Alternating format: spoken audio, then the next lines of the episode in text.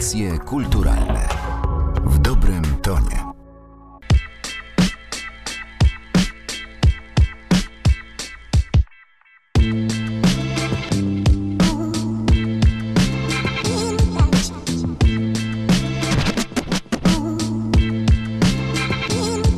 Jakiś czas temu światło zgasło, znów nie mogę zasnąć. Potrzebny mi jest relaks jak Margaret Astor Laską teraz miasto ściera wartość własną. Dziś wybieram fiasko, gdzieś za oknem słychać dziś już ostatni klakson. Ciężko oprzeć się romansom, dziś zniknęła moja nimfa I gra ze mną ikra szansą, jest alkohol w litrach Zasłoń okno i niech bit gra. Niby nic Gdyby szczyt emocji wyblak, zanim stanie siwy świt Przy mikrofonie Martyna Matwiejuk. W audycjach kulturalnych porozmawiamy dziś o szczególnej publikacji. To nie jest hip-hop rozmowy. Seria wydawnicza zbierająca pogłębione wywiady z ludźmi związanymi z polską sceną hip-hopową. Już niebawem ukaże się trzecia część książki, a moimi gośćmi są dziś jej autorzy Jacek Baliński i Bartek Strowski. Cześć, witajcie. Witaj, cześć. Cześć, hej. Chciałabym zacząć od waszego pierwszego zderzenia z polskim rapem. Pamiętacie te pierwsze płyty, pierwsze kawałki? Tak, ja może zacznę od y, anegdoty. Moja rodzina zawsze działała w branży gastronomicznej i kiedyś prowadziliśmy restaurację przy klubie OK. To jest klub, który mieści się w mojej rodzinnej miejscowości w Białobrzegach. No i w połowie lat 90. był tam organizowany koncert Leroya. Miałem tam wejście na backstage, no i w pewnym momencie sobie po prostu usiadłem na scenie, a mogłem mieć lat może 7 albo 8 i gdzieś tam z boku, z tyłu sceny sobie taki mały kajtek obserwował koncert Leroya. No i byłem tym totalnie zafascynowany, co nie trudno zgadnąć, ale to oczywiście było takie jakieś tam pierwsze wspomnienie i nie przełożyło się automatycznie na to, że zacząłem ściągać płyty ze Stanów, tylko dalej słuchałem smurfnych hitów i jakieś rzeczy, które mi serwowało radio, ale gdzieś to ziarenko we mnie utkwiło i zakiełkowało już tam w wieku lat, nie wiem, 14-15, kiedy już świadomie zacząłem kupować, interesować się, ale mówię, gdzieś ten koncert Leroya, jak miałem 7-8 lat, siedziałem sobie na scenie, no mocno mi to zapadło w pamięć. W ogóle smurfne hity to były kozackie. Pamiętam, jak mi koleżka w podstawówce przegrywał. Do tej pory chyba mam w domu rodzinnym jakąś taką składankę smurfnych hitów, więc tak, to, to był dobry hip-hop na pewno. Prekursorzy hip-hopu w Polsce. Trzeba zaznaczyć, że te moje jakieś tam początki jako słuchacza nie były wiesz, szczególnie interesujące, czy szczególnie inne niż setek tysięcy ludzi w tym kraju. No ja jestem akurat rocznik dosyć młody, 94, więc moje początki słuchania rapu przypadły na erę tak naprawdę hip-hopolo w Polsce, czyli tam 2003-2004, więc nie ukrywam, że jednymi z pierwszych rzeczy, które do mnie docierały, jeśli chodzi o polski rap lub rap w cudzysłowie, to były rzeczy typu, nie wiem, Mezo, typu Ascedoholics, typu Werba. Pamiętam, że którąś płytę Werby wygrałem w którejś ze stacji radiowych. 1.8L to była w ogóle moja pierwsza płyta, którą kupiłem. Natomiast bodajże drugą, którą kupiłem w wieku lat 10, była płyta już znacznie wyższych lotów, bo była to płyta pod tytułem Muzyka Poważna, duetu PZ i Nun, których to obu panów zresztą gościliśmy w pierwszej części książki. Podejrzewam, że w wieku 10 lat nie zbyt wiele zrozumiałem z treści tej płyty, a przynajmniej nie rozumiałem jej tak, jak rozumiem ją teraz, ale to na pewno był pierwszy taki sensowny album, który u mnie zawitał. Wiadomo, jak kolejne tytuły się pojawiały, na pewno płyta Mało lat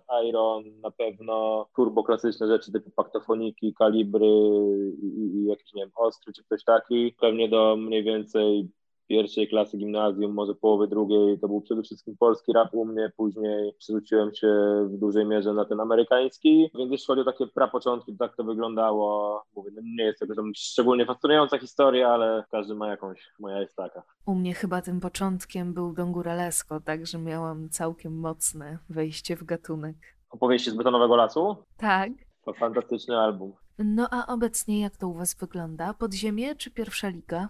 Ja też nie ukrywam, że od dłuższego czasu no ja nie słucham jakoś specjalnie dużo polskiego rapu. Oczywiście mam iluś wykonawców, których bardzo lubię i których sprawdzam mniej lub bardziej na bieżąco. Natomiast jeżeli wprowadzamy rozróżnienie pod tytułem mainstream underground, to absolutnie nie mam zielonego pojęcia, co się dzieje w undergroundzie. Przestałem śledzić pewnie lat temu 10. Podejrzewam, że całościowo w muzyce, której słucham, polski rap to jest tam, nie wiem, 5-10%, po prostu jest jakieś tam grono wyselekcjonowanych wykonawców, którzy zwykle później też się pojawiają w naszych książkach, w sumie też podobnie jak Jacek, my tacy mało hip-hopowi jesteśmy, pomimo, że, że jednak ten rap w nas głęboko siedzi. E, ja zawsze byłem raczej fanem dobrego mainstreamu. Swoją drogą to słowo underground tak się zdewaluowało obecnie, no bo kiedyś to faktycznie ktoś latami mógł pracować na tą pozycję w podziemiu, a teraz robi dobry jeden hit, na YouTubie wykręca konkretne liczby i on automatycznie staje się częścią już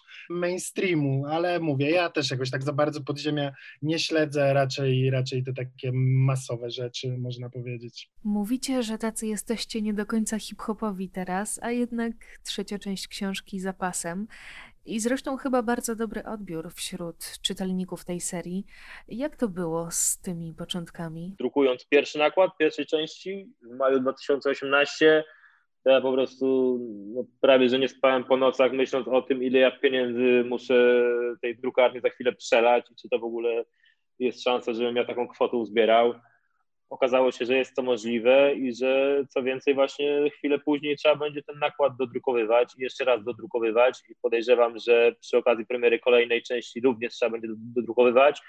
I to jest właśnie fajne, że premiera każdego kolejnego tomu pociąga ze sobą też wzrost zainteresowania poprzednimi częściami. Nasze książki mają trochę inny cykl życia niż płyty, tak? bo wydaje mi się, że jednak płyta jest czymś takim, co żyje sobie przez tam kilka pierwszych tygodni, kilka pierwszych miesięcy. To też często, że po prostu ludzie są bombardowani non-stop nową muzyką. W przypadku książek, szczególnie takich jak nasza, tak, która no, jest dość unikatową pozycją, przynajmniej na skalę polskiego rynku, to po prostu sprawia, że ludzie spokojnie mogą sobie sięgnąć po coś, co było wydane dwa lata temu, pięć lat temu, myślę, że nawet 10 lat temu i to jest super. Generalnie pomysł na, na wydanie pierwszej części to już pojawił się prawie, że pięć lat temu tak naprawdę, bo na początku 2016, kiedy ja jeszcze jakkolwiek dziennikarsko się udzielałem w różnych portalach, co też jeszcze przed premierą pierwszej części zresztą u mnie się zakończyło, ten etap obecnie jedyne dziennikarskie rzeczy u mnie to właśnie są te książki. Natomiast no właśnie za czasów moich jakichś tam dziennikarskich epizodów w różnych miejscach to przede wszystkim pisałem o muzyce,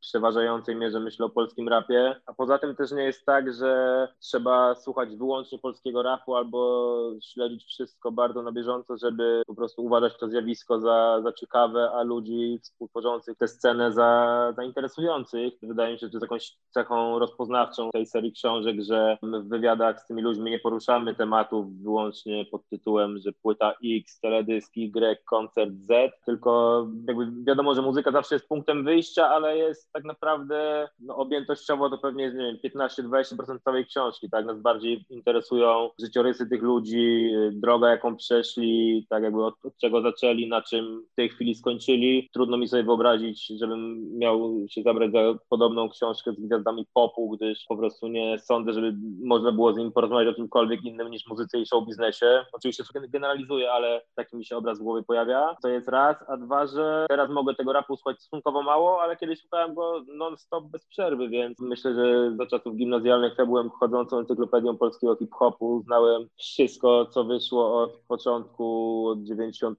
tam nie wiem, trzeciego, czwartego do, do czasów współczesnych wówczas. To, że powstała już trzecia część, tak, jest tam łącznie pewnie 55 osób y, we wszystkich trzech tomach, to niekoniecznie oznacza, że jesteśmy każdego z tych raperów fanem, czy z tych producentów, DJ-ów, ale po prostu uważamy ich za super interesujące postaci i chcemy wiedzieć, co im w głowach siedzi, co ich stworzyło, jaką drogą sobie idą. Wydaje mi się też, że stworzenie takiego po prostu poprawnego leksykonu o polskim hip-hopie to byłaby zbrodnia, bo przecież te życiorysy, często burzliwe i poturbowane, wpływają przecież na kształt i przekaz tej muzyki. Tak, znaczy nawet nie wiem, czy tyle zbrodnia, co nie ma w tym nic interesującego dla osoby, która jakkolwiek tę scenę zna, to środowisko kojarzy. Pojawiały się takie książki mniej lub bardziej encyklopedyczne. Nie odbieram im tego, że są to pewnie pozycje potrzebne, ale ja w tym nie widzę nic ciekawego, żeby czytać biogramy tak rapera X czy Y, bo ja to wszystko mogę sobie znaleźć w internecie jeżeli ktoś potrzebuje takich suchych informacji, to myślę, że znajdzie je, niekoniecznie potrzebuje tylko książki. No rzeczywiście to jest bardzo życiowa książka i ja też jestem przeciwna jakiemuś takiemu przedwczesnemu stawianiu artystów na piedestale i myślę, że właśnie te historie i te problemy, których y, może doświadczyć każdy, są, są znacznie ciekawsze. To jest po prostu opowieść o ludziach, ale chciałabym Was zapytać, jak się Wam pracowało nad tymi wywiadami, bo odnoszę takie wrażenie, że to nie jest wcale takie łatwe, żeby całkowicie szczerze móc porozmawiać z ludźmi tworzącymi tę branżę hip-hopową. Ona jest bardzo specyficzna. Pewne elementy tak zwanej rap gry mogą powodować, że o czymś się nie mówi, albo takiej czy innej osobie nie mówi o tym z takich czy innych powodów. Wiesz co, to jest tak, że no, faktycznie w jakiś sposób hip-hop może być hermetyczny, albo przynajmniej taki może się wydawać dla osób z zewnątrz, więc jestem pewien, że gdybyśmy byli w cudzysłowie bolkami z ulicy, tak, którzy by przyszli i zaczęli, o, że hip-hop, że teraz to fajne, że ludzie słuchają, są pieniążki, to może zrobimy sobie taką książkę i zaprosimy kogoś i wypytamy go o, o wszystkie szczegóły mniej lub bardziej intymne, to na pewno zostalibyśmy spławieni, a jeżeli nie zostalibyśmy spławieni, to no w trakcie rozmowy nie wyciągnęlibyśmy takich szczegółów, jakie wyciągnęliśmy w sytuacji, gdy ci ludzie po prostu wiedzą, kim jesteśmy i co mamy na koncie. Oczywiście to też zmieniało się z biegiem czasu na zasadzie, że w pierwszej części to grono osób, które nam zaufało i które wzięło udział w tej książce, no musiało dać nam duży kredyt zaufania właśnie. Później, jak zapraszaliśmy osoby do drugiej części, to wiele z nich już znało część pierwszą i wiedzieli, czego się mogą spodziewać. Przy trzeciej było siłą rzeczy jeszcze łatwiej. Po prostu ludzie widzą, jak te książki wyszły, o czym one są, jak my podchodzimy do tych ludzi, więc wydaje mi się, że z tego powodu jesteśmy na być może uprzywilejowanej pozycji na zasadzie, że Mówię, nie każdy dziennikarz mógłby spotkać się z tą czy inną osobą, którą my gościliśmy, spotkać się z taką osobą na 8 godzin, a takie były wywiady do trzeciej części. A które z tych wszystkich rozmów powstałych na przestrzeni trzech części były dla Was osobiście najważniejsze? No właśnie, staram się wyważyć, żeby za bardzo nie iść fanosko. Kto dla mnie jest najważniejszym twórcą i automatycznie to się przełoży na odpowiedź. No nie da się ukryć, że dużym wydarzeniem dla mnie, dla Jacka była rozmowa z Taco Hemingwayem, który konsekwentnie od wielkiego boomu na swoją twórczość unika rozmów z przedstawicielami mediów, więc automatycznie kredyt zaufania od osoby, która absolutnie nie musi niczego takiego robić, no to to było dla nas wydarzenie samo w sobie. I ja jeszcze bym wymienił Oscara z problemu, którego opisanie jest dla mnie no, bardzo imponujące. Rozmowa z nim e, również była sporym przeżyciem. Głównie dlatego, że mam wrażenie, że ogólnie z Jackiem szukaliśmy takich niejednoznacznych postaci do każdej części z książek, które łączą w sobie wiele różnych cech, wiele różnych światów. I na przykład taki Oscar z problemu dla mnie z jednej strony ma osobowość takiego dresika z woli, który myśli tylko o setce i o grze na maszynach, a z drugiej strony ma bogate słownictwo, jest szalenie inteligentny, spostrzegawczy, więc mówię, łączy w sobie wiele różnych cech. Najważniejsze rozmowy podejrzewam, że skłaniałbym się do tych rozmów najświeższych, to znaczy tych, które odbyły się do, do części, która ukaże się już 4 grudnia. Jeśli chodzi o taki ładunek emocjonalny, wydaje mi się to zdecydowanie Eldo i Sarius, którzy właśnie wezmą udział w trzeciej części książki. To były dla mnie najmocniejsze rzeczy. I to są właśnie te wywiady, które trwały najdłużej, nie tylko do tej części, ale i do wszystkich dotychczasowych, bo samego nagrania tam mam po 7,5 godziny z każdą z tych osób. To, że dzień po dniu spotykam się z tymi dwoma ludźmi i tak długo rozmawiam i są to rozbrajająco szczere rozmowy, to było dla mnie super istotne. Od razu zaznaczę, że Oczywiście nie wszystko poszło do druku, a być może wręcz większość nie poszło do druku, gdyż po prostu większość z tych rzeczy niekoniecznie powinna ujrzeć światło dzienne i niekoniecznie powinno o nich wiedzieć tak duże grono osób, tak duże grono czytelników. Na przykład z Eldoką było tak, że no, słuchając jego historii, to był pierwszy raz, kiedy mi się zdarzyło w trakcie wywiadu popłakać, tak? Wydawało mi się to czymś w ogóle nierealnym i abstrakcyjnym, a okazało się, że nawiązaliśmy taki kontakt, taka no, więź się wytworzyła między nami, jakaś taka intymna atmosfera się tutaj stworzyła, że po prostu opowiedział mi rzeczy, po których ja autentycznie zacząłem płakać. No muszę przyznać, że ja nie kojarzę polskiej książki podobnej do waszej, czy w ogóle jakiejkolwiek e, większej publikacji tak e, głęboko przyglądającej się tym postaciom. To jest też ciekawe, że zaczynają powstawać różne wytwory kultury, które patrzą i oceniają ten polski hip-hop, e, oceniają jakieś konkretne zjawiska. Mam na myśli to, że Trochę czasu już minęło od początków i wydaje mi się, że już jest możliwe takie złapanie dystansu i spojrzenie na to szerzej. Niedawno w audycjach kulturalnych e, rozmawialiśmy o filmie dokumentalnym o moleście i pamiętam, że pytałam Wienia o te początki. No a jak to było w tych latach dziewięćdziesiątych? Tak jakbym potrzebowała tego momentu założycielskiego. I chyba nawet mam taką tendencję do traktowania tych pierwszych bitów, pierwszych wersów z takim szczególnym uwielbieniem. Jak to u Was wygląda? Wiesz co, też może przez to, że no właśnie ja nie jestem rocznik, nie wiem, 70 któryś czy 80 któryś, tak, więc nie wiem, no płytę Skandal Molesty nie słuchałem tak od razu w momencie premiery, tylko ileś lat później. Na pewno nie ma to dla mnie takiej wartości sentymentalnej po prostu jak dla osób z, no nie wiem, 10, 15, 20 lat starszych ode mnie. Natomiast są to dla mnie super ważne nagrania. Wiesz, ja też pamiętam po prostu to, co napisałem we wstępniaku do wywiadu z DJ-em 600V, że ja nie spotkałem się z nim po to, żeby powspominać tak stare dzieje w klimacie, a kiedyś to było, kiedyś to był hip-hop, a teraz jest coś tam. Myślę, że po prostu my nie mitologizujemy tych dawnych czasów. Oczywiście możemy na nie patrzeć z większym lub, mniejszym sentymentem, a to, że mimo wszystko ci przedstawiciele pierwszego pokolenia polskiego rapu stanowią większość u nas, to wynika po prostu z tego, że ci ludzie mają więcej do powiedzenia, bo więcej przeżyli niż ci obecni newcomerzy, tak, 20-25-letni. Mieliśmy też takie osoby, aczkolwiek z nimi nie pogadamy tak przekrojowo, jak z gościem, który jest na scenie tam od 9.5 czy 2000. Wiesz Martyna, no na pewno faktycznie jest czas na diagnozowanie tych początków i zastanawianie się, no bo to jest jest kultura, która ma już, nie wiem, z 25, jak nie lepiej lat w naszym kraju. I na przykład tak jak przy poprzednim pytaniu gdzieś właśnie mówiłaś o tym, że no ten hip-hop jest taki trochę hermetyczny, że się wydaje, że nie każdy może mieć dostęp do tych ludzi z tego świata.